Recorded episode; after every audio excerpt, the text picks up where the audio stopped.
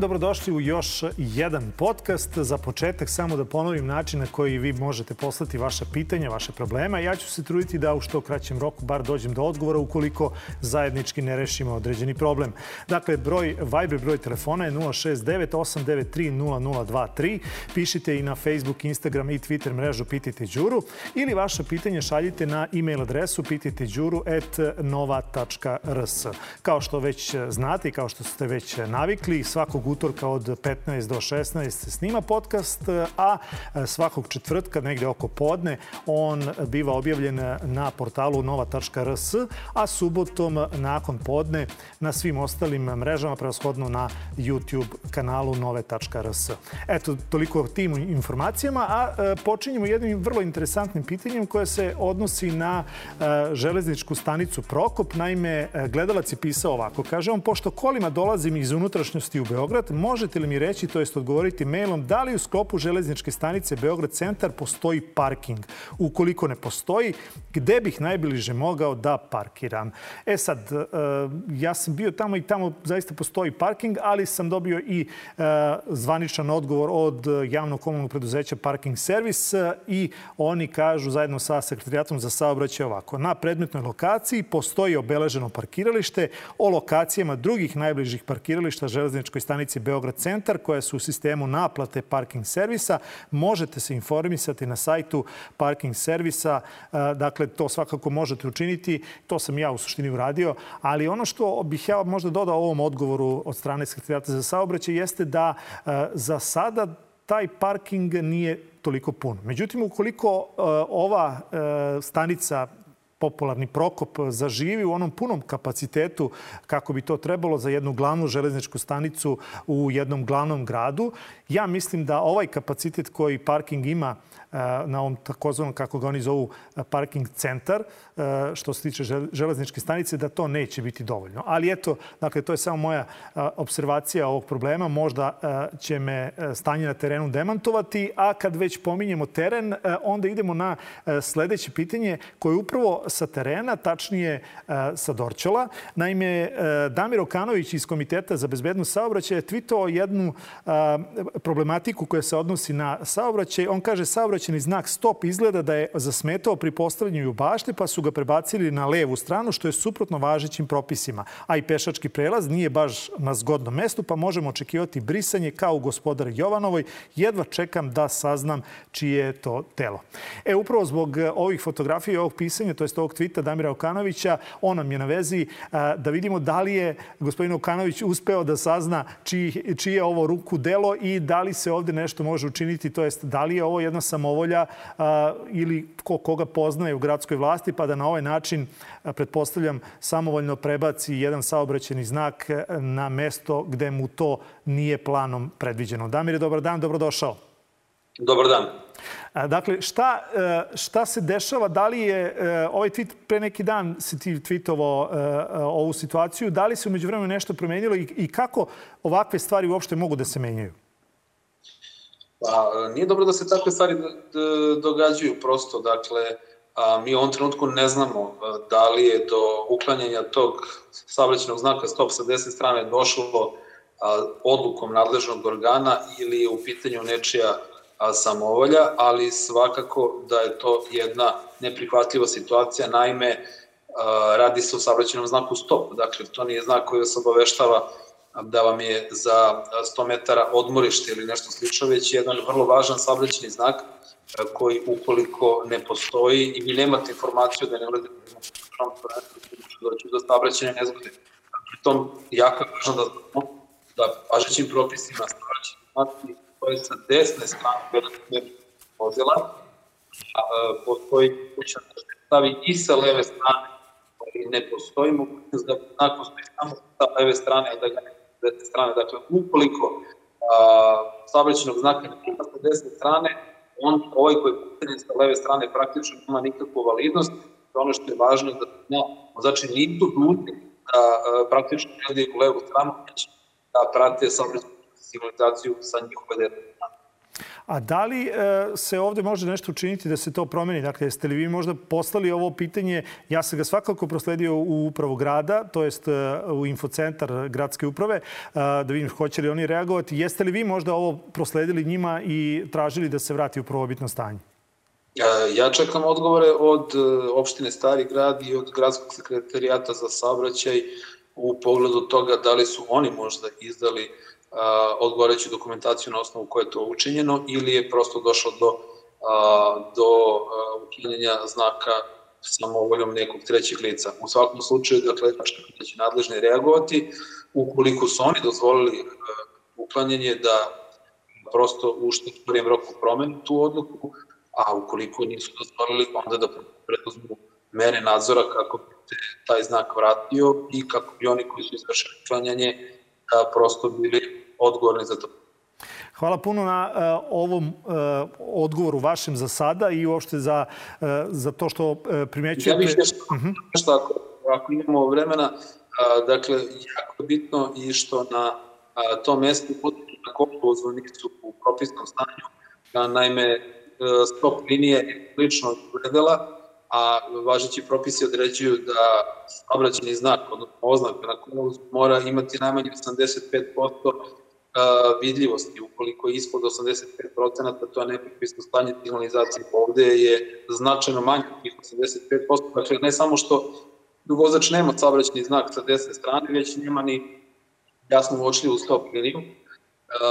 Pre tome isto veoma važno znati da u, na prethodni raskrsnici, raskrsnici sa ulicom Višnjićevom stoji saobraćeni znak koji vozača da je upravo bana pravom prvenstva prolaza, tako da ako neko kaže, pa svakako kapetan Mišina je ulica gde vozil prolaze s desne strane, pa oni imaju predmet, to nije tačno. Da, ukoliko ste vi opamešteni da Straković je ban prvom prvenstva, onda nemate razloga da u sledećoj ratkrsnici očekujete da će niko naći, a da vas neće propustiti. Sve u svemu, ukoliko se dogodi savrećan nezgoda u toj raskrsnici, tako što bi se udarila vozila iz kapetana Mišina i Strahinjića Bana, tu bi svakako moglo da postoji odgovornost upravljača puta, odnosno onoga koji je uklonio znak stop sa desne strane. Hvala još jednom. Dakle, vodite računa ugao Strahinjiće bana i kapetan Mišine ulice e, na Dorćolu. Vodite računa inače kad prolazite kroz ulicu Strahinjiće bana, ona jeste ispresecena sa mnogim ulicama. Neki imaju pravo prednosti e, od ozgo na dole, ako, ako se tako izražim, izrazimo, a neki imaju od cara Dušana ka e, gornjem delu Dorćola. A čuli ste Damira Okanovića iz Komiteta za bezbednost saobraćaja. On je tweetao ovo, a mi dakle širimo čitavu priču. Nadamo se da će ovaj znak naći se ponovo tamo gde mu je i mesto, kako ne bi bila ugrožena bezbednost saobraćaja kao što je to sada. A kad već e, pominjemo ugroženost, ono što kroz ovaj podcast smo nekoliko puta pominjali jeste ugroženost stanovnika Cetinske ulice. Naime, oni su ugroženi zbog prevelike buke koju donosi, donose svi ugostiteljski, većina ugostiteljskih objekata koji se nalaze od Skadarlije ka Cetinskoj ulici, pa je zato i sa Twitter naloga Sačuvajmo Cetinsku stigao jedan, jedan tweet koji vi možete čuti kako to izgleda u kasnim večernjim satima ili u ranim jutarnjim satima, a uz ovaj tweet ide i objašnjenje. Kaže, nikada komunalna Beograd nije izašla po prijavama za glasnu muziku iz restorana Velika Skadarlija. Muzika ovde počinje u jutarnjim satima, prestaje oko jedan posle ponoći i radnim danima i vikendom. A, a, a iz Sačuvajmo Cetinske pitaju gospodina Vesića jesu li ovo vaši drugari. Ovo sam ja prosledio gradskoj upravi pa ćemo vidjeti da li će komunalna policija, to jest milicija, izaći na lice mesta i da li će reagovati adekvatno, ali svakako ova situacija oko Cetinske ulice je nešto što i iz Kadarlije, to ne, ne smemo zaboraviti jer je to čitav jedan kompleks, je nešto što traje već e, godinama i što svakako ni pomoć onih merača kojima smo ranije pričali očigledno se ne rešava jer neko samo neće da sprovodi zakon i ništa drugo, o ničemu drugom nije ovde reč. E sad, kad već pominjemo snalaženje, tako bi možda moglo se nazvati sledeće pitanje koje je poslao gledalac Dragan Vignjević i on je poslao i fotografije kako to izgleda. Naime, to su kontejneri na ulici koji su sklonjeni sa onog mesta na kojima bi zaista trebalo da izgleda. On kaže snalaženje u gradu u kome elementarna pravila vaspitanja i ponašanja na javnim površinama pripadaju samo pojedincu. Dakle, opet se radi o ulici Strahinjića Bana. Fotografije dakle prikazuju kako su ljudi sklonili kontejnere sa mesta gde su gde zaista bi trebalo da stoje i gde je označeno da one stoje i e, postavili ih lepo na trotoar, ne bili tu stavili svoj automobil i na taj način besplatno očigledno parkirali. Komunalna policija ili milicija, kako god je zvali, očigledno da ne reaguje i e, to tako funkcioniše kako naš gledalac Dragan Vignjević kaže snalaženje. Ja sam ovo snalaženje svakako prosledio komunalnoj miliciji i očekujem njihovu reakciju i adekvatnu kaznu za one koji izigravaju zakon i na ovaj način e, se snalaze. Jeste da nema nigde u gradu dovoljno parking mesta, ali prosto kako je za sve, tako bi trebalo da bude i za ovog e, naših sugrađanina, to je Beograđanina koji je na ovaj način parkirao, parkirao svoj automobil. Idemo na zelenilo, dakle na jedno pitanje koje se odnosi na to kako gradsko zelenilo očigledno da li nema dovoljno radnika, da li nema dobar plan i program ili e, trava prebrzo raste u Beogradu, ali e, gledalac Ivan Janković je pisao ovako. On kaže, u moru svakodnevnih problema u ovom gradu trenutno se ulici Ljuba Vučkovića na Voždovcu izdvaja visina trave kao u savani. Kako u parku za decu, tako i svuda oko zgrada. Niti su travu pokosili, niti su protiv krpelja prskali, a još uvek oko zgrada i u toj travici stoje ostaci granja i drveća nastradalih zimus. Da li postoji neki iole realan odgovor ekipe gradskog zelenila ili je rešenje da kupim kozu kozu za kućnog ljubimca i na taj način pomognemo u održavanju zelenila. E, kaže Ivan e, da je i na Vidikovačkom vencu i Rakovici ista situacija. Vidite i fotografije kako to sve izgleda. Ja mislim da bi građani Beograda mogli sa svih strana Beograda da šalju ovakve fotografije. Tako je slično i na Bržanijskoj kosi, tako je slično i na većini zelenih površina na Novom Beogradu. Zašto i kako i da li se čeka leto možda da ovo izgori pa da se zapali, pa onda posle toga da ne znam šta da se radi. U svakom slučaju, za sada stiže odgovor iz gradskog zelenila i evo šta oni kažu. Zaposleni u zelenilu Beograd su angažovani na poslovima košenja zelenih površina širom grada. Košenje predstavlja najobimniji posao u delatnosti kojim se bavi naše preduzeće. Ukupna površina travnjaka o kojoj vodimo brigu prostire se na preko 2000 hektara. Intenzitet i učestalost košenja u direktnoj zavisnosti od vremenskih prilika. Sa sezonom košenja ove godine započeli smo 4. aprila. Prvi krug košenja stambenog naselja u ulici Ljube Vučkovića na Voždovcu vršen je u toku meseca aprila. Drugi krug košenja predmetne lokacije planiran je za naredni period u skladu sa dinamikom radova. Drugi krug košenja ulice Vidikovački venac počinje početkom sledeće nedelje. Ukoliko sugrađani imaju problem na konkretnoj lokaciji, molimo da nam se jave na broj Centra za informisanje 2630 506 ili da nam pošalju prijavu na mail info.zelenilo.rs. Eto, dakle, tako mole iz gradskog zelenila. Mislim, ako budemo svi zvali ovaj broj telefona, da u jednom momentu se niko na njega neće javljati, ukoliko se uopšte javi. A idemo sad na e, sledeću problematiku. Ona se odnosi na nešto što nam sledi u narednim danima za sve one koji su možda uplatili aranžmane već u mesecu maju ili junu, da znate sledeće. Naime, iz e, udruženja Efektiva stiže, e, ja ću samo pročitati deo saopštenja koji uvodi u ovu čitavu priču, a kasnije ćemo razgovarati i sa Dejanom Gavrilovićem iz udruženja Efektiva. Dobar dan, Dejan mene. Eh, evo, ja ću samo uvesti eh, u pitanje, to jest u ovu tematiku, ovo što ste vi napisali u prvom pasusu vašeg saopštenja. Kažete, poslednjih dana je aktualna tema doplata za turističke aranžmane usled povećanja cene goriva, što putnicima iziskuje dodatni trošak od 30 do čak 70 evra po aranžmanu. Zakonom je dozvoljeno da turistička agencija menja cenu putovanja zbog promene cene goriva, ali isključivo uz određene uslove. Takođe, putnik ima pravo da tu promenu cene ne prihvati. E sad, šta mi potrošači možemo da uradimo u ovakvoj situaciji?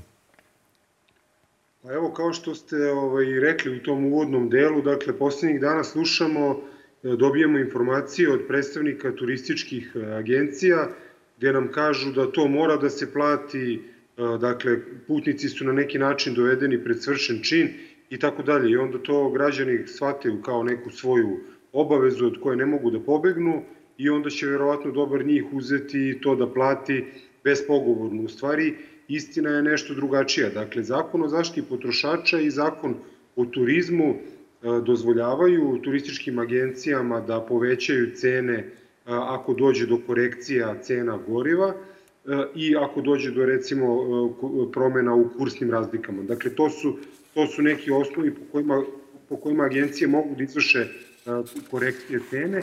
Ovde sada agencije traže doplatu, ali zakon kaže takođe da postoje određeni uslovi koje agencija mora da ispuni da bi tu doplatu uopšte mogla da traži, odnosno da, da dobije. Ti uslovi su, dakle, da takva, takva mogućnost mora da bude navedena u predugovornoj fazi, dakle, potrošač mora da bude o njoj obavešten pre potpisivanja ugovora, zatim u samom ugovoru mora da postoji pre, ta mogućnost, dakle, da agencija može da poveća cenu zbog povećanja cena goriva, ali isto tako i druga mogućnost da dođe do smanjenja e, cene ako dođe do pada e, cene goriva. O, tom, o, tom, e, o tome agencija potrošača mora da obavesti pisanim putem, ne može samo da mu kaže izvoli uplati 30 ili 50 evra, nego mora da mu priloži dakle, pisani dokument uz matematički obračun koji će mu objasniti zašto mu agencija traži toliko novca. Dakle,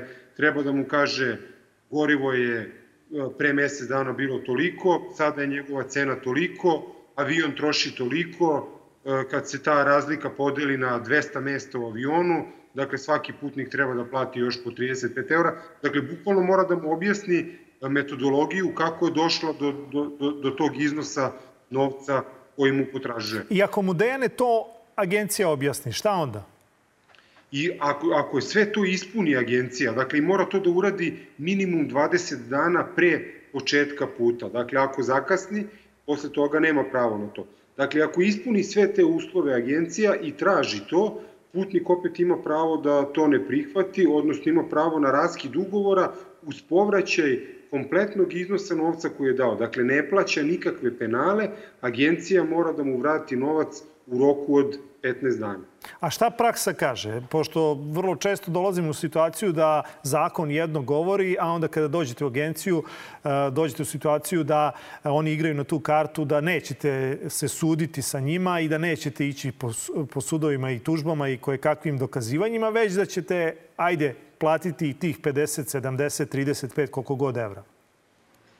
Pa, dobro, to je sad pitanje. U principu, agencije igraju na tu kartu da su E, faktički ljude dovele pred svršen čin, jer većina građana je planirala taj odmor, dakle uzeli su godišnji odmor, uplatili letovanje i sad oni računaju sa tim da će većina građana da kaže sad mi ne vredi da se povučem, ajde doplatit ću i tako dalje. Međutim, nije uvek tako.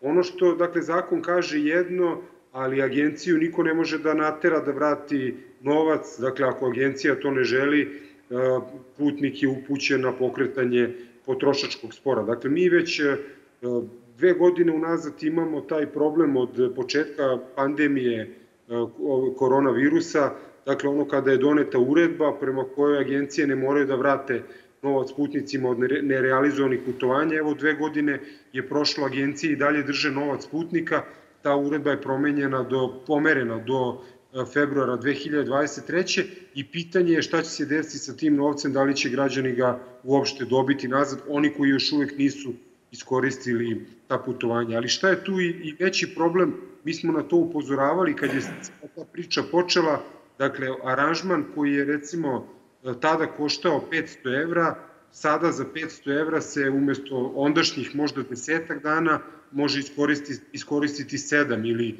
ili duplo manje, zato što su povećane cene i agencije tu mešetare sa tim. Dakle, opet su građani ostali oštećeni. Upravo ovo o čemu sada pričamo je čisto da putnicima kažemo koje su im prava, kako ih agencije ne bi još jednom obmanule i uzele im dodatno novac bez potrebe. Dene, puno hvala na, na ovom uključenju i na razjašnjenju, a vama ostaje dakle da vodite računa e, preko koje agencije, ako idete uopšte preko agencije, idete na letovanje, e, šta piše sitnim slovima, insistirate dakle i na ovim e, stvarima o kojima je Dejan Gavrilović iz Udruženja Efektiva pričao, pa se nadam da ćete ipak se odmoriti. A kad pričamo o odmoru, ono svakako što nije odmor jeste ono što pokušavaju građani Mirjeva, a to je da ukažu na prenaseljenost ovog naselja i na e, divlju gradnju koja cveta na sve strane. I e, oni su me zamolili da objavim ovo njihovo saopštenje i ovaj apel, čisto da i ostali građani znaju o čemu se radi. Oni kažu, ako Mirjevo je prenaseljeni deo grada opterećen divljom gradnjom u kome nema mesta za nove stambene komplekse. Međutim, gradska uprava je odlučila da se na području zelene površine izgradi ogroman stambeni kompleks od 5000 stanova za oko 15.000 stanovnika. Na području Bajdina od 66 hektara, gde se trenutno nalazi oko 80% prirodno regulisane šume i na kojoj su evidentirana tri aktivna klizišta površine oko 26 hektara i dva potencijalna klizišta koje obuhvataju ostatak područja, planira, planira se urbanizacija nakon koje će ostati svega 23% zelenila. Vidite i fotografiju koju je poslao naš gledalac koja govori o svemu ovome što on piše. On kaže naselje Mirjevo od preko 90.000 stanovnika ima samo jednu veću zelenu površinu park. Uprkos tome, suprotno svim konvencijama i strategijama za životnu sredinu, grad odlučuje da uništi postojeći zeleni pojas u naselju koji reguliše mikroklimu naselja i štiti čitav grad od isparenja iz deponije u Vinči. Zbog izrazite opasnosti od klizišta i prisustva podzemnih i nadzemnih voda, do sada gradnja u Bajdinoj nije bila moguća, pa je tako ostala zaštićena od divlje gradnje. U svim dokumentima grada ova površina je zavedena kao izrazito nepovoljna za gradnju. Sada se, međutim, opasnost od klizišta zanemaraju u planu, a same površine pod klizištima umanjuju u propratnoj dokumentaciji plana jasno stoji da pri gradnji objekata može doći do reaktiviranja i dodatnog intenziviranja klizišta. Uprkos opasnostima koje nosi ovakva gradnja, ne samo za buduće objekte, već i sa postojeće zgrade, planira se izgradnja velikog broja visokospratnica. Klizišta se jednostavno ignoriše uz naznaku da se ona mogu aktivirati, čime se sva odgovornost prebacuje na investitore. Ovim se dovode u zabludu vlasnici parcela, investitori i budući kupci stanova. Mirjevo već godinama ima problem problem sa klizištima, a gradske službe i u ovom trenutku troše novac građana na sanaciju ulica baš zbog klizišta koje je pokrenuto divljom gradnjom u blizini Bajdine. Izvod iz katastar klizišta je e, gledala takođe poslao gde se vidi Dakle, malo pre ste imali priliku da vidite sve te crvene zone, to su i tekako opasne zone za gradnju zbog samog klizišta. Iako se radi o ogromnom zahtevu, koji, zahvatu koji će ostaviti dalekosežne posledice, građane Miriva niko nije obavestio ni konsultovao. Svi građani su svesni da postojeće saobraćena i kanalizacijona infrastruktura nije u stanju da izdrži ni sadašnje stanovnika, kamoli takav prilik novih stanovnika. Tokom javnog uvida za plan detaljne regulacije Bajdina podneto je oko 300 primjedbi, a započeto i prikupljanje potpisa za odbacivanje plana. Sa početkom javne rasprave se pokazalo da nam preti još gori scenariju betoniranja sa idejom da se zauzme svaki kvadrat zemlje za stanove na račun javnih površina. Naime, na sednici održano 28. aprila na zahtjev pojedinih vlasnika parcela izbačena je jedna škola iz plana u korist stambenog objekta, a stepen zauzetosti stambenih jedinica i ispratnost na parcelama je drastično povećana. Javna rasprava je prekinuta, a na nastavku rasprave 9. maja pojedini vlasnici parcela su tražili ukidanje onog malog dela površina koji je ostavljen pod šumom u planu. Gradski geolog iznao da je pomenuti deo Bajdine ostavljen pod šumom zbog izrazito opasnog aktivnog klizišta. U potpuno neverovatnom razvoju događaja gradski arhitekta javno savjetovao vlasnike parcela da postoji način kako da se dezavuišu postojeća istraživanja gradskih službi, to je da se angažuju privatni istraživači koji bi tvrdili da klizišta nema, kako bi onda komisija odobrila gradnju na aktivnom klizištu. Ovoj sednici su prisustovali i predstavnici opozicijonih stranaka, od kojih su se neki obraćali direktno gradskom arhitekti, tvrdići da unosi razdor među komšije i dovodi u pitanje mandat komisije da donosi odluke s obzirom da je Skupština grada raspuštena. Zbog veoma burne rasprave sednica je opet prekinuta. Pozivamo medije da isprate dalje aktivnosti oko projekta kao i da prisustuju nastavku javne rasprave, a datum će biti uskoro određen. E, ovo pismo je potpisala neformalna grupa građana Mirjevo, Zeleno i Zdravo i zamolili su naravno da ja ovo prenesem što sam juče učinio. A, svakako javljajte mi, molim vas, kada će biti to zakazano, pa da vidimo da li možemo ponovo da ispratimo šta se ovde dešava i da obaveštavamo javnost da dakle, u delu Mirjeva, u naselju Bajdina, a, ne postoji, ne bi trebalo da postoji novo naselje zbog svih ovih stvari e, na koje ste vi ukazali i koje, kako vi kažete, stručnjaci upozoravaju dugi niz godina. Eto, toliko za današnji podcast. Vidimo se opet sledećeg utorka u isto vreme, dakle od 15 do 16, a za sva vaša pitanja otvoren broj telefona 069 893 0023. Pitanja šaljite i na Facebook, Instagram i Twitter mrežu Pitajte Đuru ili pišite na e-mail adresu pitajteđuru.nova.rs.